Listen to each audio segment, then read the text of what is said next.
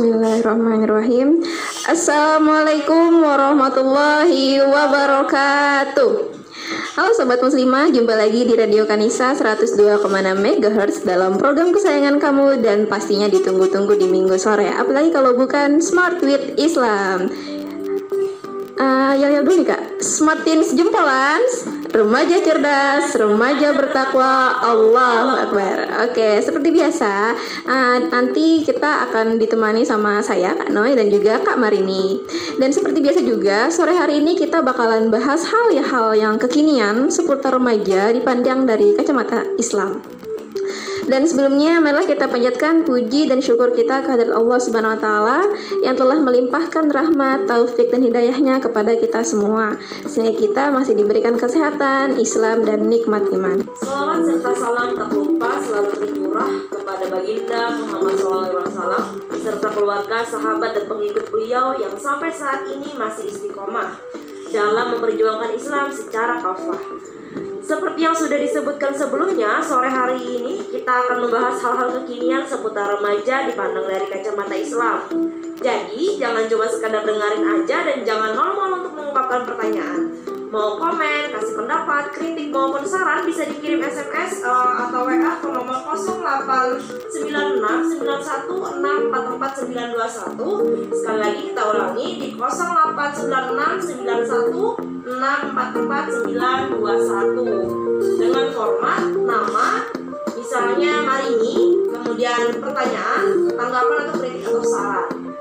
Oke, okay, Smartin. Uh, hari ini kita bakal mengangkat tema tentang Tahun Baru Islam. Jadi temanya adalah Tahun Baru Pribadi Baru. Nah, alhamdulillah ya Kak, uh, kita umat Islam hari ini telah masuki Tahun Baru 1441 Hijriah. Iya, dan tak terasa ya udah satu Muharram lagi aja gitu. Biasanya nih kalau satu Muharram ada perayaan penyambutan gitu Kak ya. Uh, dan kayak kemarin nih, kebetulan ya di Palangkaraya itu hari Jumat ya Kak? Itu ada pawai anak-anak kayak ada ada anak-anak TK saya lihat ya anak-anak uh, SD uh, uh, sampai SMA Sanawiyah gitu ya iya. Jadi banyak tuh yang pawai kemarin ya macam-macam. Ada yang bawa rebana kayak ada yang ada yang pakai pakaian haji. Iya terus ada yang drum band juga kayak rame banget pokoknya. Dan nggak cuma di Palangkaraya ternyata uh, di daerah lain juga banyak banget perayaan penyambutan tahun baru hijrah ini. Bisa dilihat biasanya di berita-berita di TV gitu ya. Itu banyak kayak ada pawai obor kirap kebo tablik akbar doa dan zikir bersama dan lain sebagainya. Macam-macam pokoknya bentuk perayaan uh, yang dilakukan oleh masyarakat uh, saat menyambut tahun baru Islam Nah, perayaan-perayaan seperti ini itu tak jarang membuat kita yang melihat itu jadi ikut seneng, ikut bahagia, dan penuh harap, biasanya penuh harap gitu. Kenapa? Agar uh, di tahun baru ini kita semua itu Allah lindungi, Allah rahmati, dan Allah mudahkan segala sesuatu hajat dan keinginan kita. Biasanya tuh kayak gitu, semoga di tahun ini saya bisa menikah, misalnya kayak gitu ya. Semoga di tahun ini saya cepat lulus, misalnya gitu yang belum lulus gitu ya. Semoga di tahun ini kerjaan saya makin sukses gitu kan. Biasanya di tahun baru itu pasti banyak uh, pokoknya penuh harap lah kayak gitu. Nah tapi tahun baru Islam ini sendiri pada hakikatnya tidak hanya dirayakan seperti itu saja. Ya kan kak?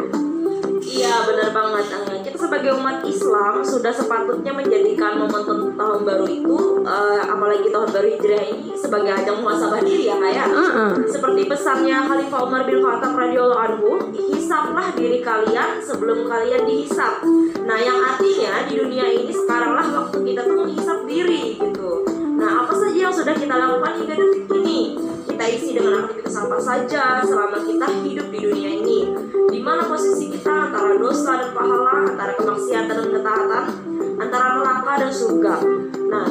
posisi terhadap Islam dan syariahnya juga di tengah umat Islam. Sejauh mana berbagai larangan Allah Subhanahu wa taala telah ditinggalkan, sejauh mana perintahnya telah dikerjakan. Nah, inilah yang sebenarnya harus kita renungkan di tahun baru ini ya, Kak ya. Iya, benar banget, Kak. Nah, muhasabah atau introspeksi diri ini penting dilakukan terus-menerus. Nah, tentu agar setiap dari kita bisa memperbaiki diri atau berhijrah. Nah, karena memang sudah fitrahnya manusia selalu ingin menjadi lebih baik dari sebelumnya. Gak ada tuh manusia yang pengen lebih buruk dari sebelumnya kan ya? Iya bener banget kak. Nah, buat Martin di rumah juga pasti selalu berharap agar bisa menjadi pribadi yang lebih baik dari tahun ke tahun. Nah, tekad untuk berubah menjadi lebih baik ini yang disebut dengan hijrah. Iya bener banget kak. Jadi kalau kita lihat ya secara bahasa Hijrah itu sendiri adalah Berpindah dari sesuatu ke sesuatu yang lain Atau meninggalkan sesuatu menuju sesuatu yang lain. Itu kalau secara bahasa. Jadi hijrah itu identik dengan perubahan lah istilahnya ya. Pokoknya berpindah dari sini menjadi ke sini. Kayak yang dilakukan Rasulullah ya kak ya. Berpindah dari uh, Mekah menuju Madinah. Itu hijrah ya. Jadi hijrah itu identik dengan perubahan, perpindahan gitu ya, perpindahan karakter atau perubahan karakter tepatnya seperti itu ya. Dan tentunya hijrah ini adalah perubahan ke arah yang lebih baik. Nah, Ibnu Rajab Al-Hambali dalam Fat Al-Bari menjelaskan bahwa asal dari hijrah adalah meninggalkan dan menjauhi keburukan untuk mencari, mencintai dan mendapatkan kebaikan. Jadi hijrah itu terjadi karena adanya kesadaran gitu ya, kesadaran tentang perlunya perubahan dari keadaan yang sedang eksis atau yang sedang dijalani gitu ya ke keadaan yang baru yang ingin diwujudkan. Dan kesadaran ini tentunya muncul karena adanya muhasabah atau introspeksi diri. Karena itu, muhasabah atau introspeksi diri ini sangat penting. Jadi, momentum apa ya, hi, tahun baru hijrah ini sebenarnya memang benar seperti yang dikatakan Kak Marini bahwa inilah uh, sebenarnya momen yang pas untuk kita muhasabah atau introspeksi diri bagaimana apa yang sudah kita lakukan saat ini gitu kan apa aja udah kita lakukan gitu kan apa, apa aja aktivitas yang kita isi gitu kan? Apakah seperti yang Kak Marini sebutkan tadi lebih banyak ke arah yang lebih baik atau buruk gitu kan? Pastinya kita kan pengen jadi lebih baik gitu. Nah jadi pengen lebih baik ini kan ya ya, ya disebut dengan hijrah tadi. Karena gini ya kayak ya, kalau biasanya kalau kita nyambut tahun baru Masehi itu luar biasa banget meriahnya. Iya. Sampai pokoknya habis-habisan kayak gitu dari mulai entah itu secara materi ataupun secara kepribadian kita gitu energi kan. juga ya kenapa enggak gitu kan buat uh, tahun baru kita sendiri sebagai umat muslim? Iya bener banget. Jadi nggak cuman heboh pas tahun baru masehi aja gitu tapi tahun baru hijriyah tahun baru Islam ini kita juga harus bertekad nih untuk menjadi pribadi yang lebih baik jadi it's time to hijrah gitu ya. Nah tapi hijrah ini tadi kan saya sebutkan perlu kesadaran. Jadi nggak cuman ah pengen hijrah kayak gitu aja, tapi nggak ada actionnya gitu ya. Dan iya, cuman jadi angan-angan. Kelakuannya gitu-gitu aja gitu ya. Nah smart teams di rumah jangan kayak gitu nih teman-teman ya. Misalnya nih kita uh, contohnya aja kayak teman-teman di sekolah gitu kan, pengen dapat nilai 100 gitu kan. Karena ulangan kali ini nilai dapat nilainya misalnya pokoknya 60, 70 gitu kan ya. Ah, pokoknya uh, ulangan yang selanjutnya harus dapat 100 nih. Nah, gimana caranya? Kita berusaha lebih maksimal lagi. Karena ketika kita pengen berusaha itu kita ada kesadaran, oh kayaknya kemarin banyak salah di sini deh. Eh, kayaknya kurang belajar ini deh. Nah, kayak gitu nggak smartins di rumah nih. Kalau ada kesadaran bahwa kita itu ada kekurangan, ada yang harus diperbaiki, ada yang harus ditingkatkan gitu ya di situ kemudian kita melakukan perubahan. Nah, ini yang disebut dengan hijrah tadi dengan kesadaran. Nah, semakin semua, apakah kiranya amal yang sudah kita kumpulkan hingga detik ini itu mampu membawa kita kepada surganya Allah? Pastinya teman-teman semua akan menjawab bahwa ini nggak akan cukup deh. Kalau kita ditanya udah siap atau mati, udah siap mati atau belum juga pasti tidak bakalan jawab belum siap karena rasa-rasanya amal ini belum cukup kayak gitu.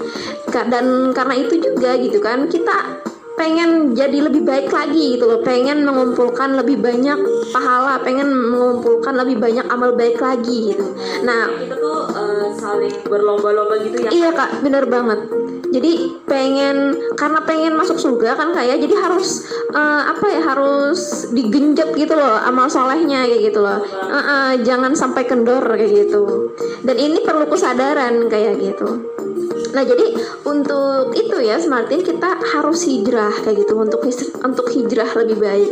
Dan hijrahnya ini seperti yang diajarkan oleh Rasulullah. Nah kayak gimana tuh kalau hijrahnya kayak Rasulullah? Nah pertama-tama yang perlu dilakukan adalah uh, meninggalkan apa yang wajib ditinggalkan, yakni apa saja yang dilarang oleh Allah Subhanahu Wa Taala Nah, inilah hijrah yang bisa dilakukan kapan saja. Nah, Rasulullah SAW itu pernah bersabda, seorang muslim adalah orang yang menjadikan kaum muslim selamat dari lisan dan tangannya. Seorang yang berhijrah adalah orang yang meninggalkan apa saja yang Allah larang atas dirinya. Hadis riwayat Al-Bukhari, Abu Dawud, An-Nasai, Ahmad, Ibnu Hibban, dan Al-Humaydi. Nah, catat ya teman-teman bahwa meninggalkan apa saja yang Allah larang tidak menuntut kemampuan. Nah, ini berbeda dengan melakukan apa yang Allah perintahkan yang menuntut kemampuan maksimal. Nah, Rasulullah SAW itu pernah bersabda, jika aku melarang kalian dari sesuatu, maka tinggalkanlah. Nah, dan jika aku memerintahkan sesuatu, maka lakukanlah sesuai batas kemampuan kalian. Nah, hadis riwayat Ahmad, Al-Bukhari, dan Muslim. Selain dilakukan berdasarkan kemampuan secara maksimal, perintah Allah harus segera ditunaikan. Allah Subhanahu wa taala berfirman, "Bersegeralah kembali kepada Allah, sungguh aku seorang pemberi peringatan yang nyata dari Allah untuk kalian." Quran surah Az-Zariyat Surah 51 ayat 50 Dengan demikian, setiap muslim harus segera berhenti dari apa yang Allah larang dan meninggalkannya Sekaligus segera menjalankan berbagai ketaatan kepadanya. Nah, dengan dua spirit ini, setiap muslim akan menjadi sosok yang semakin taat. Kenyataannya juga makin total, makin nyeluruh, makin kafah. Oh, kayak gitu kak ya. Jadi kalau kita pengen hijrah nih kayak yang diajarkan oleh Rasulullah, pertama-tama ya, Martin, kita harus meninggalkan kak ya, meninggalkan apa saja yang uh, Allah larang, apa saja yang Rasulullah larang juga gitu kan. Dan uh, apa nih, menjalankan segala perintah yang uh, Allah perintahkan kepada kita gitu dan uh, tentunya ini juga menuntut kita untuk menjadi pribadi yang semakin taat, semakin total gitu ya, semakin menyeluruh se apa namanya seluruh kepribadian kita gitu dengan Islam. Jadi kalau dari dalil-dalil yang Kak Marini sampaikan tadi ya, uh, itu kalau Kak Noi apa ya ambil kesimpulan bahwa kita hijrah itu harus dengan kemampuan yang kita bisa kak ya. Dengan apa ya kemampuan yang kita miliki. Kalau kita mampunya segini ya segitu gitu ya. Tapi juga jangan se di situ aja. Iya seadanya gitu kak ya. Uh, kita kembangin juga kan ya. Mm -mm. harus ini ya sesuai dengan kemampuan yang maksimal. Seperti yang Rasulullah bilang tadi kayak ya. Sesuai dengan batas kemampuan kita gitu. Jadi uh, pelan-pelan aja hijrahnya nggak apa-apa gitu kak ya tapi harus pasti gitu ya kayak bertahap ya kayak mm -mm. kayak proses kemudian berprogres juga iya gitu, ya. proses actionnya uh -uh. juga uh -uh. jadi uh, harus apa ya dengan kemampuan yang kita bisa begitu ya Smartins sama juga nih contohnya kayak teman-teman yang lagi sekolah gitu ya atau yang lagi kuliah gitu biasanya kalau pengen dapat apa tadi saya bilang ya dapat nilai uh, dapat nilai bagus tadi gitu kan kita pasti berusaha dengan semaksimal mungkin berusaha dengan sebaik mungkin se apa ya usaha yang kita bisa usaha yang kita mampu gitu kan seperti itu. Jadi itu yang dimaksud tadi ya kita kalau kita pengen dapat nilai yang bagus kita harus berusaha semaksimal mungkin gitu ya. Tapi jangan juga kita ngambil jalan pintas kayak nulis apa itu kan coretan gitu ya contekan gitu kan. Nah itu kan hal yang salah gitu ya. Nah kalau analoginya kayak kita pengen dapat pahala dari Allah pengen dapat ridho dari Allah tentunya kita harus berusaha mengumpulkan amal soleh melakukan uh, kebaikan gitu kan sesuai dengan kemampuan kita semaksimal mungkin gitu kan. Jangan sampai kita melakukan dengan cara-cara kotor juga. Contohnya kayak tadi kan pengen dapat nilai tapi caranya nyontek. Itu kan salah. Nah kalau kita pengen dapat ridho Allah caranya harus sesuai dengan perintah Allah gitu kan. Bukan dengan seenaknya kita bukan dengan terserahlah aku mau pakai baju apa misalnya gitu kan. Padahal ada aturannya gitu kan kak ya. Terserahlah aku mau gimana jawab soalnya gitu kayak gitu kan. Uh, aku mau pakai contekan kayak mau nulis di mana gitu nah itu kan nggak boleh ya. Jadi harus sesuai dengan tuntunan yang Allah berikan. Nah, orang yang hijrah itu juga biasanya kalau sudah hijrah itu kan tidak menyukai apa pun yang uh, menyalahi Islam dan syariatnya, apa pun yang uh, Allah larang, apa pun yang Rasulullah larang itu kita biasanya nggak menyukai untuk mendekati itu dan orang hijrah itu sebaliknya juga dia semakin senang gitu loh dengan Islam. Dia semakin senang dengan syariatnya. Dan dia pun uh, akan semakin merindukan kehidupan Islami. Oh kalau misalnya seluruh aturan Islam itu diterapkan kayaknya enak ya. Sekolah gratis uh, berobat gratis gitu kan kayak jadi pengen banget kayak gitu ketika banget. Jadi itu kayak harapan kita banget kan iya. Ya, ketika kita sadar kak ya bahwa seluruh aturan yang Allah berikan di dalam agama ini ternyata tidak hanya mengatur ibadah kita saja tapi juga mengatur muamalah kita cara kita bergaul cara kita sekolah cara kita berpakaian gitu kan. Itu semua ternyata ada aturan yang dalam Islam gitu kan. Dan ketika kita memahami itu bahwa dalam uh, pendidikan kesehatan dan segala macam ekonomi itu ternyata juga ada aturannya Allah. Wah enak ya ternyata kalau misalnya dalam Islam kalau kayak tadi saya bilang sekolah gratis gitu kan uh, apa namanya kesehatan akses, untuk uh, kesehatan tadi gratis gitu kan semuanya tuh enak deh rasanya jadi kayak rindu banget sama kehidupan yang diatur dengan Islam gitu ya Nah, hasil gitu ya, secara individual seorang muslim itu tidak boleh berhenti berhijrah. Jadi nggak cukup hijrah itu cuman kayak ganti status, ganti pakaian misalnya gitu ya, ganti penampilan atau ganti tutur kata yang tadinya sering uh, bercandanya pakai bahasa binatang misalnya gitu nih ya. Terus hijrah menjadi sering pakai kalimat iya kalimat toyibah gitu. Ya. Iya. Masya Allah, gitu astagfirullah gitu ya. Ana, antu. Iya, iya. Tapi nggak kayak gitu juga gitu ya. yang pasti yang penting uh, sopan kayak gitu kan kak ya. Nah jadi tapi hijrah itu tadi saya bilang nggak cukup sampai di situ aja. Nggak cukup sampai uh, perbuatannya tutur katanya bagus. Nggak cukup sampai penampilannya aja yang bagus. Tapi harus kita tingkatkan lagi gitu ya kita nggak boleh berhenti berubah uh, ke arah yang lebih baik itu sesuai dengan aturan syariah. Jadi kita itu hijrah itu menuju totalitas yang berislam dan melaksanakan uh, syariat Islam itu secara kafah. Secara kafah itu artinya secara menyeluruh. Seluruh aturan Islam itu uh, harus kita jalankan seperti itu. Oke, okay, uh, tadi kan sudah kita bahas nih kak ya bahwa di tahun baru ini gitu ya kita harus menjadi pribadi yang baru pribadi yang hijrah dari yang buruk menjadi lebih baik dari yang baik menjadi lebih baik lagi gitu ya. Istilahnya hijrah menjadi pribadi baru yang berislam kafah kayak gitu. Betul banget. Jadi kayak kita uh, kalau yang kita udah bahas muhasabah diri tadi mm -hmm. kayak kalau kita misalnya merasa ternyata masih banyak kelalaian kita perbuat hal-hal buruk atau yang kita perbuat masih belum ada yang ternyata tersisa yang Uh, banyak perintah yang belum uh, dijalankan gitu ya larangan yang Allah yang belum bisa kita tinggalkan uh, uh. pelan-pelan ditinggalkan di tahun uh, uh. ini iya jadi gitu. supaya tahun baru jadi pribadi yang Betul baru banget. gitu ya kayak kita tuh uh, bikin lembaran baru. Iya gitu bener banget kak. Masa kita gitu-gitu aja gitu kan ya. Uh, eh, HP aja itu semakin di ini iya di update terus. Wah anu nih versi ini nih. Gitu. Eh ini iya. ada yang kameranya bolak-balik gitu kan ya. Masa iya.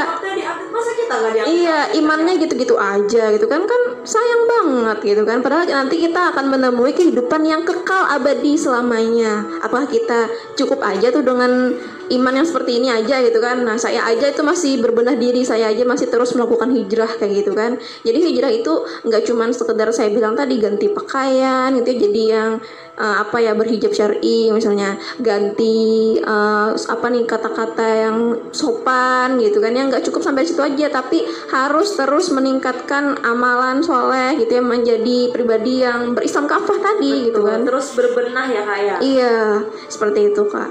Nah tapi ya uh, hal yang perlu kita ketahui gitu ya bahwa kita sebagai umat Islam ini tidak cukup hanya melakukan hijrah itu sebatas untuk diri kita sendiri gitu ya. Maksudnya kita juga harus perlu uh, melihat secara keseluruhan.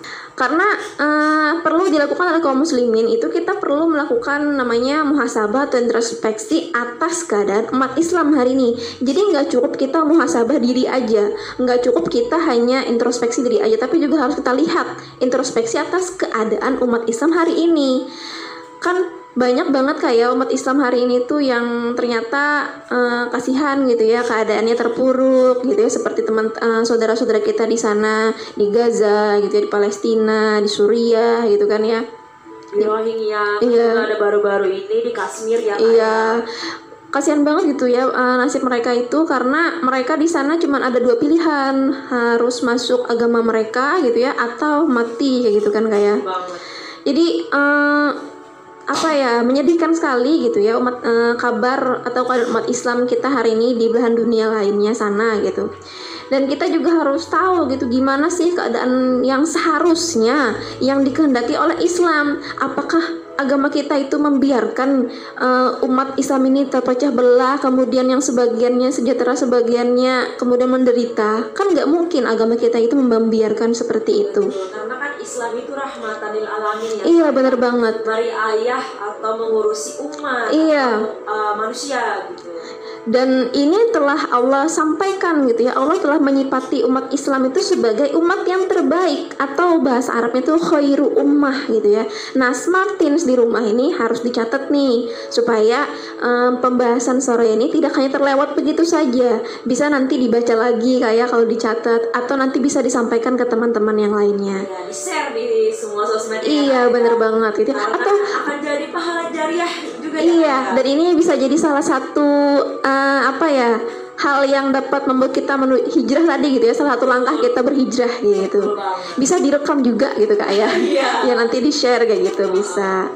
Nah saya kembali ke pembahasan tadi ya bahwa Allah itu telah menyipati umat Islam itu sebagai umat yang terbaik khair ummah gitu ya. Seperti firman Allah dalam Quran surah Ali Imran ayat 110 bahwa Allah menyatakan kalian adalah umat terbaik terbaik yang dilahirkan untuk manusia melakukan amar ma'ruf, nahi mungkar dan mengimani Allah. Nah, itu Allah sampaikan bahwa kita ini umat Islam itu umat terbaik Kak di antara umat-umat yang lainnya. Kalau kita aja nih ya di sekolah misalnya Kak dibilang sama guru kita, ini loh si A misalnya dia adalah terbaik. iya murid terbaik, murid teladan sekota Palangkaraya. Uh, senangnya gimana Kak? Senangnya minta ampun gitu ya. Bangga gitu. Mm, tidak hanya kita aja bangga, orang tua kita gitu kan ya. Keluarga kita pasti bangga ketika kita mendapat predikat sebagai siswa terbaik gitu ya. Allah lah yang Iya. bilang kan ya. Iya. Seharusnya kita bangga ya. Allah langsung yang bilang kalian tuh umat terbaik kata Allah. Nah, gimana rasanya tuh? Senang banget gitu kan. Kayak apa ya? Kelimpungan apa rahmat Allah misalnya kayak gitu ya. Ya kayak kita uh, disanjung sama seorang guru Uh-uh. ketika kita mendapatkan suatu prestasi. Iya. Seperti itu juga lah Allah Uh-uh. menyanjung kita. Bahkan ini lebih kayak makanya. Allah kemudian mengatakan kita sebagai umat terbaik itu tidak melalui perantara kayak tapi langsung enggak ada misalnya kayak wahai nabi katakan kepada umatmu. Enggak ada gitu ya langsung kalian adalah umat terbaik kata Allah. Jadi Allah em, memberikan kita predikat sebagai umat terbaik. Kita pasti senang banget gitu dan sifat sebagai umat terbaik ini itu tidak hanya berlaku pada kaum muslim di masa Rasulullah aja.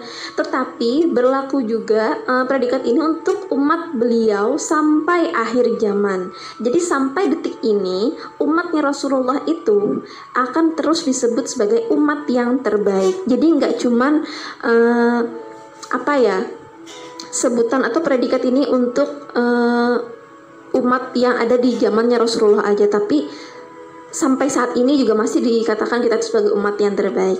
Nah, hanya saja sifat ini ya sifat sebagai umat terbaik ini tidak datang begitu saja. Oh, kita nih udah dikatakan Allah sebagai umat terbaik ya udahlah kayak gitu aja. Enggak, tapi harus dipenuhi dulu karakteristiknya, harus dipenuhi dulu syaratnya. Nah, di dalam ayat yang tadi Allah sebutkan gitu ya. Eh, Allah menyebutkan karakteristik umat terbaik itu adalah yang melakukan amar ma'ruf nahi mungkar dan mengimani Allah beriman kepada Allah jadi eh, ada dua syarat gitu ya ada dua syarat yang harus dipenuhi kita sebagai umat Islam agar diseb- agar disebut sebagai umat yang terbaik yaitu beriman kepada Allah kemudian melakukan amar ma'ruf nahi mungkar atau berdakwah kayak gitu ya. Nah, terkait hal itu, ada seorang laki-laki bertanya kepada Rasulullah SAW saat beliau sedang di atas mimbar, siapakah manusia terbaik itu? Rasulullah SAW menjawab, manusia terbaik adalah yang paling banyak membaca dan memahami Al-Quran, yang paling bertakwa kepada Allah, yang paling banyak melakukan amar ma'ruf nahi mungkar, dan yang paling sering menyambung silaturahmi. Hadis riwayat Ahmad. Nah, secara umum karakteristik uh, umat terbaik itu adalah mengimani Allah, melakukan amar ma'ruf nahi mungkar, mengikuti sunnah Rasulullah SAW dan melaksanakan syariah. Nah, dengan demikian kesempurnaan sifat khairul ummah itu terwujud ketika umat Islam beriman dan bertakwa. ketakwaan mereka harus uh, tampak dalam kehidupan mereka termasuk dalam pengelolaan kehidupan bermasyarakat dalam segala aspeknya dengan syariat Islam. Oh, jadi kayak gitu kak ya. Jadi uh, umat terbaik itu mereka yang tidak hanya membaca Al-Quran tapi juga memahami kemudian mengamalkannya gitu kan kak ya. Iya. Sehingga menjadi pribadi yang bertakwa kepada Allah dan oh. paling banyak melakukan amar ma'ruf nahi munkar. Ternyata uh, menjadi manusia, menjadi umat terbaik itu apa ya? Menjadi sebuah capaian yang paling tinggi kita sebagai orang yang beriman kayak gitu kan. Jadi jangan sampai kita tuh menjadi muslim yang muslim biasa aja. Hanya menjalankan perintah menjauhi larangannya aja gitu ya. Tapi kita harus bisa menjadikan uh, predikat muslim terbaik itu sebagai capaian diri kita juga gitu kan. Jadi jangan uh, sampai kepada kita tuh oh sudah sampai sini aja udah aku udah belajar. Uh, uh, cukup sholat puasa aja gitu ya. Uh -uh enggak kita harus terus membenahi diri karena yang namanya belajar itu kan kita sampai akhir hayat ya iya kan? sampai mati. Nggak ada nggak ada istirahatnya kalau belajar itu kalau kata uh, hadis Rasulullah itu pernah bilang setelah ini tuh tidak ada istirahat. Iya. Jadi maksudnya di dunia ini kita nggak ada waktu buat istirahat kayak gitu. Jadi terus belajar terus belajar kayak gitu. Ya, terus berarti nggak tidur juga ya iya. Jangan sampai salah memahami ya, dalil iya, ini gitu ya. Eh, itu tubuh punya porsi ya. Iya. punya hak atau untuk istirahat gitu ya. Istirahat, uh, uh. Gitu ya. Maksudnya istirahat dalam tanda kutip itu nggak apa-ngapain kayak gitu ya. Uh, jadi uh, kita sebagai orang yang beriman gitu ya yang mengaku beriman kepada Allah mengaku beriman kepada Rasulullah dan beriman kepada hari akhir ya ya kita harus bisa nih menjadi umat yang terbaik. Harus kita upayakan gimana caranya supaya bisa menjadi umat yang terbaik. Yaitu dengan tadi dengan menjalankan perintahnya itu ya, beriman kepada Allah kemudian menjauhi larangannya dan terus melakukan amar ma'ruf nahi mungkar amar ma'ruf nahi mungkar itu bisa dibilang dakwah gitu kan kayak ya. kita menyampaikan sesuatu yang Allah perintahkan kepada teman-teman kita yang kita, kepada saudara kita gitu ya Iya karena dakwah itu kalau uh, banyak orang yang bisa uh, tidak memahami itu kayak berdiri di mimbar iya gitu jadi dakwah itu uh, uh, um, apa uh, audiensnya gitu ya uh, uh. enggak jadi kalau sekarang karena lagi zamannya sosmed uh -uh. kita bisa lewat sosmed iya kita share uh -uh. tulisan atau uh -uh. video atau kita secara kayak ngobrol gini aja iya. dalam bentuk mm dakwah iya. ngobrol singkat-singkat kayak tentang pokoknya tentang apa tentang Islam iya dakwah banget indah banget kayak gitu kan yang kita lakukan saat ini juga kayak bisa iya, termasuk uh, uh, dakwah juga gitu ya karena kita di sini menyampaikan uh, iya. iya bener banget. Harapannya orang-orang di luar sana ya smartins di rumah di mana pun berada bisa memahami oh ternyata Islam tuh kayak gini ya. Nah kayak gitu. jadi dakwah itu gak berat. Iya nah, jadi mm -mm, dakwah itu bukan cuman disampaikan ustaz ustazah iya, kiai gitu ya enggak. Uh, tapi kita pun gitu ya ketika kita tahu satu ayat aja tentang Islam gitu ya kita sampaikan kepada teman kita kita udah berdakwah gitu kak ya. Iya. nah jadi harus nunggu LCMA ya. Iya. Jadi uh, kita sebagai umat Islam gitu ya sebagai orang yang beriman gitu kita tidak cukup hanya melakukan hijrah untuk diri kita sendiri, introspeksi diri sendiri, tapi juga kita harus mengajak orang lain untuk hijrah juga. Nah, itu tadi dengan dakwah tadi. Nah, dan di situ kemudian Allah akan memberikan kita sebagai predikat umat yang terbaik. Tapi sayang banget nih Kak, potret sebagai umat terbaik itu ternyata tidak tampak pada umat Islam hari ini. Umat Islam itu kayak belum menjadi pemimpin gitu bagi uh, umat lainnya dan sebaliknya umat Islam saat ini tuh masih menjadi objek masih menjadi eksploitasi pihak lain gitu ya. Kayak masih diatur dengan aturan barat gitu ya masih diatur dengan kebijakan-kebijakan asing gitu kan. Jadi kita tuh masih belum bisa memimpin diri kita sendiri dan boleh jadi gitu ya salah satu penyebabnya itu karena amar ma'ruf mungkarnya ini itu belum tampak dan belum menonjol belum menjadi budaya gitu di uh, kalangan umat Islam sendiri. Terutama yang uh, ditujukan kepada penguasa kepada ini kepada pemerintah seperti itu ya. Nah Padahal kemungkaran uh, penguasa itulah yang paling besar yang menimbulkan keterpurukan umat kita saat ini. Dan kemungkaran terbesar penguasa ini tentu saja uh, saat mereka tidak menerapkan syariat Islam secara kafah. Jadi uh, kita mundur sedikit gitu ya, kita melihat bahwa kalau kita melihat kata umat terbaik pasti kan yang di benak kita kan terbayang umat yang tadi yang dia hebat yang dia menjadi panutan segala umat gitu ya. Mampu uh, mampu menjadi contoh gitu kan ya. Tetapi saat ini faktanya umat Islam tidak seperti itu. Iya kita malah melihat uh, itu ya iya kemudian juga derajatnya seperti direndahkan gitu ya. Sering melakukan apa mendapatkan pelecehan gitu ya. Maksudnya pelecehan dalam agama gitu ya. Rasulullah pernah dilecehkan gitu ya. Al-Quran kita pernah dilecehkan gitu. Jadi umat Islam ini kayak kayak apa ya terinjak-injak rasanya. Tidak seperti predikat umat terbaik tadi gitu. Dan keadaan memang harus benar-benar meraih itu secara uh, maksimal ya iya gimana caranya gitu loh. Nah selain itu juga kita melihat ya bahwa apakah uh, teman-teman mungkin yang pastinya kalau semakin di rumah nih pasti saya yakin ya yang mendengarkan saat ini tuh pasti baik-baik gitu ya. Ini kalau saya kasih contoh di luaran sana gitu ya teman-teman itu pasti uh, banyak menemukan gitu ya contoh contoh-contoh yang tidak me, apa ya tidak memberikan gambaran ini loh umat terbaik seperti banyak yang masih melakukan aktivitas pacaran. Padahal dia pakai kerudung gitu kan ya. Ini enggak sih umat terbaik kayak gini gitu loh. Dua-duaan di taman gitu kan ya. Malam-malam gitu. Ngapain gitu loh. Uh, salah satu contoh uh, hadis yang tadi uh, aku baca itu ya kak ya. Mm -hmm. itu ada tentang uh, manusia terbaik adalah yang paling banyak membaca dan memahami Al-Quran. Iya. Karena sekarang kita banyak yang orang-orang yang hafal Al-Quran bahkan dia tidak bisa mencontohkan isi dari Al-Quran. Mm -hmm. Jadi hanya sekedar menghafal gitu ya. Bisa akhirnya memahami isi Al-Quran sehingga kalau dipandang oh masa menghafal Al-Quran uh, kayak gini sih uh -uh. kok Islam kayak gini nah, iya seperti ke agamanya gitu ya uh, gini ya gambar umat Islam kayak gitu iya, kan, sebenarnya itu bukan salah agama Islamnya ya kan iya adalah diri kita sendiri mm -mm.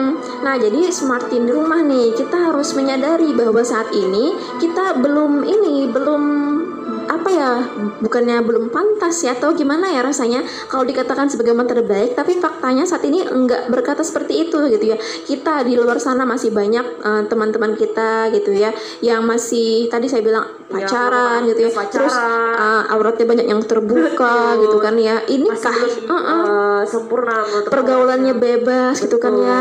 Perempuan laki-laki iya temenan sana sini cipika cipiki masya Allah. Apakah seperti ini gambaran umat Islam gitu kan ya. Iya.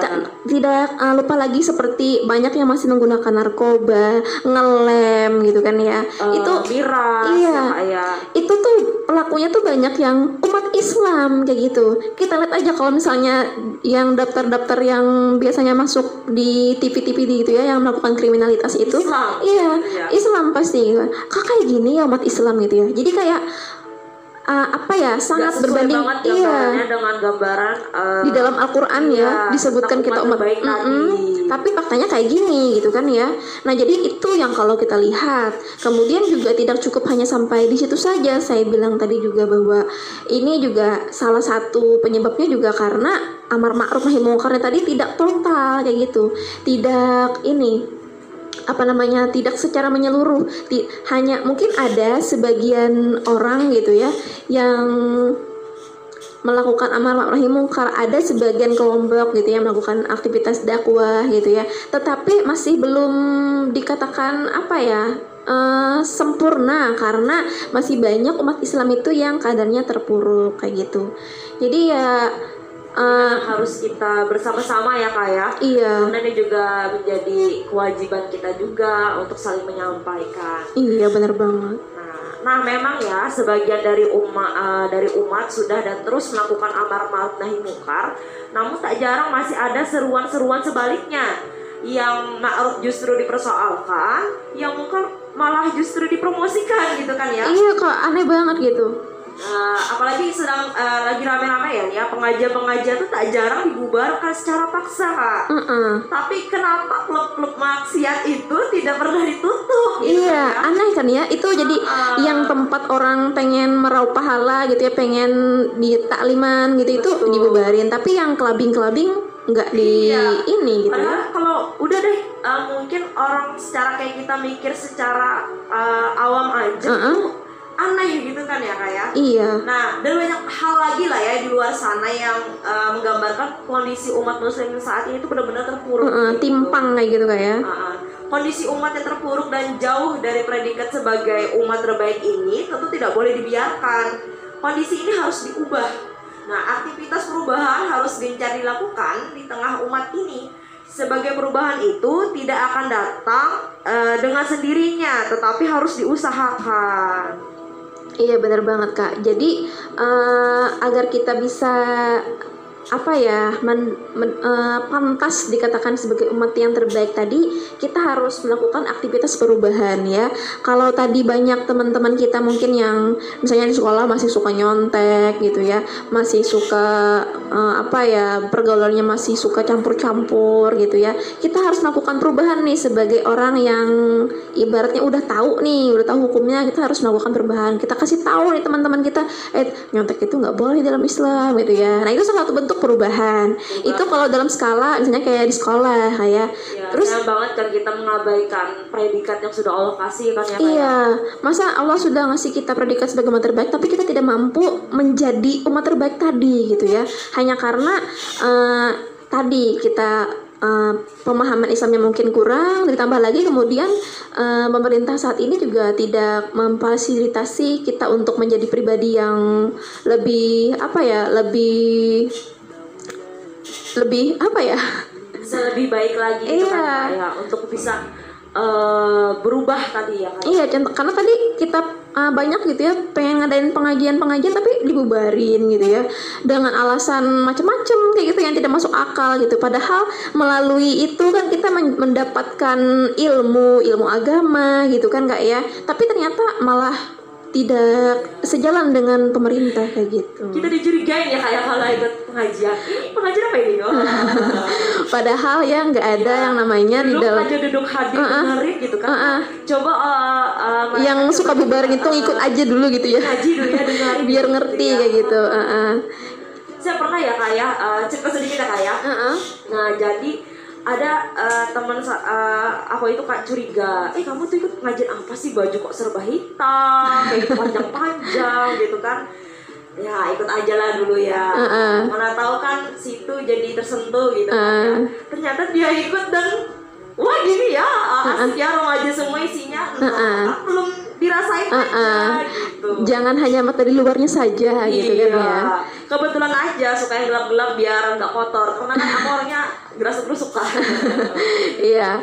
Nah jadi uh, untuk tadi ya yang perlu digarisbawahi ya Smartins uh, bisa dicatat bahwa kita sebagai umat muslim gitu ya uh, yang telah diberikan predikat oleh Allah sebagai terbaik kita harus melakukan perubahan yang saat ini uh, umat muslim itu sedang terpuruk tidak uh, mendapat tidak layak dikatakan sebagai umat terbaik karena keterpurukannya. Maka oleh sebab itu kita harus melakukan perubahan, perubahan untuk bisa menjadi yang lebih baik agar uh, layak dikatakan sebagai umat yang terbaik. Dan dalam hal ini Allah SWT berfirman bahwa sungguh Allah tidak akan mengubah keadaan suatu kaum hingga mereka mengubah keadaan yang ada pada diri mereka sendiri. Quran surah Ar-Ra'd ayat 11. Nah, Imam Al-Qurtubi dalam Al-Jami'i uh, li, li Ahkam gitu ya, uh, menjelaskan bahwa Allah Subhanahu wa taala memberitahukan dalam ayat Ar-Ra'd tadi itu bahwa dia uh, Allah gitu ya, tidak akan mengubah keadaan suatu kaum sampai terjadi perubahan dari mereka, baik dari mereka sendiri atau dari orang-orang yang mengurus mereka, atau dengan sebab dari sebagian orang di antara mereka. Nah, jadi oleh sebab itu, uh, perubahan atau hijrah ini harus dilakukan bukan hanya karena tataran individu. Jadi kayak bukan seperti yang sudah disebutkan di awal tadi, tidak hanya kita hijrah untuk diri kita sendiri, tetapi juga pada tataran masyarakat, yakni uh, perubahan menuju ketaatan kepada Allah secara total. Jadi tidak hanya kita yang hijrah menjadi muslim, menjadi orang yang taat, tetapi kita harus mengajak orang lain gitu ya, mengajak masyarakat di luar sana untuk hijrah juga gitu ya, berubah menjadi pribadi yang lebih baik gitu ya, pribadi yang baru menuju ketaatan kepada Allah Subhanahu wa taala secara total, secara menyeluruh.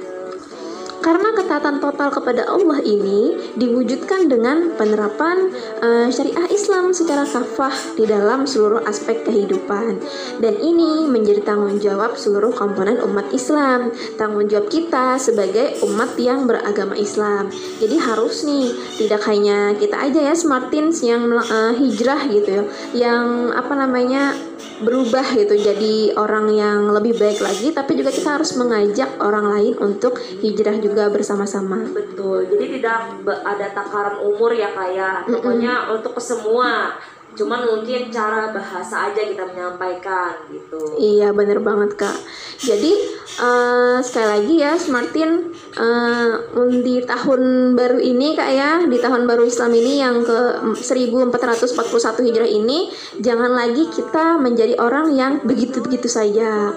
Yang flat aja gitu ya. Uh, sedangkan tadi kan contohnya kayak HP itu tadi kan terus terus upgrade gitu kan. Tapi iman kita juga harus di upgrade gitu.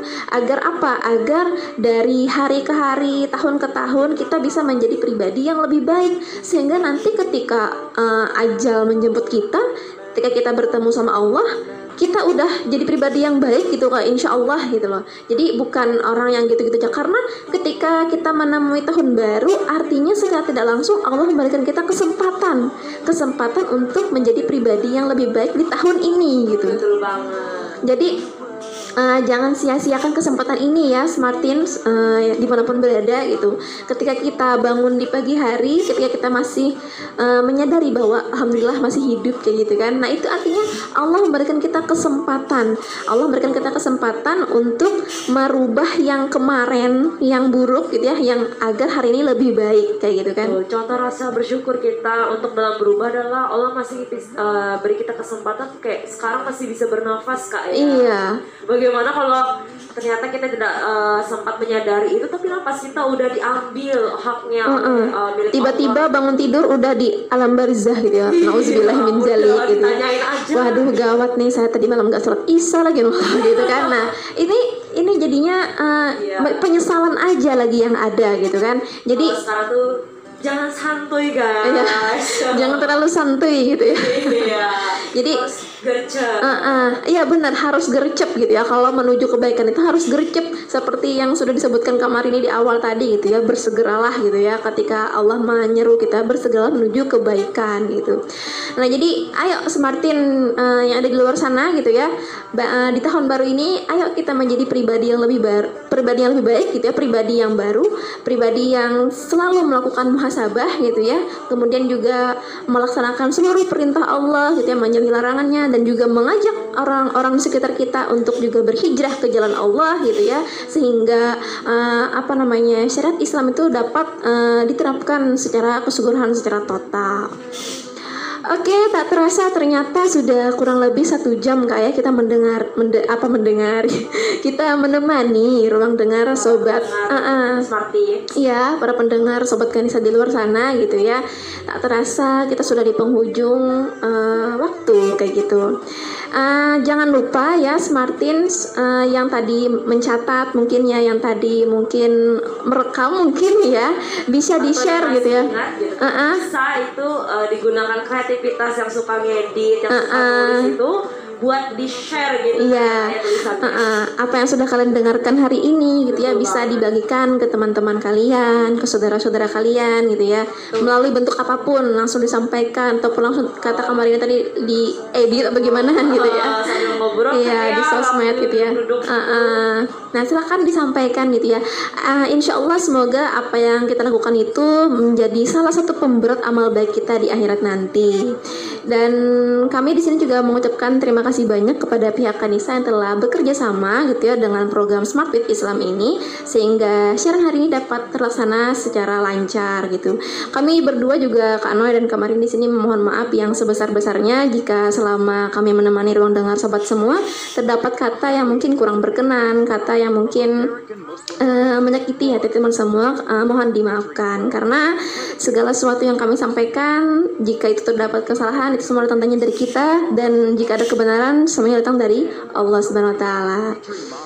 Uh, mungkin itu saja dapat uh, kita sampaikan kak ya. Uh, jangan lupa ya Smartin untuk mendengarkan uh, siaran uh, program dari Smart with Islam minggu depan ya. Seperti biasa setiap hari Minggu pukul 4 sore sampai jam 5 sore. Hanya di Ganesha 102,6 MHz. Uh, kita cek lagi semangatnya nih kak. Smartin jempolan Remaja cerdas Remaja bertakwa. Allah Akbar. Oke mungkin itu saja ya Dari kami. Wabillahi taufiq hidayah. Wassalamualaikum warahmatullahi wabarakatuh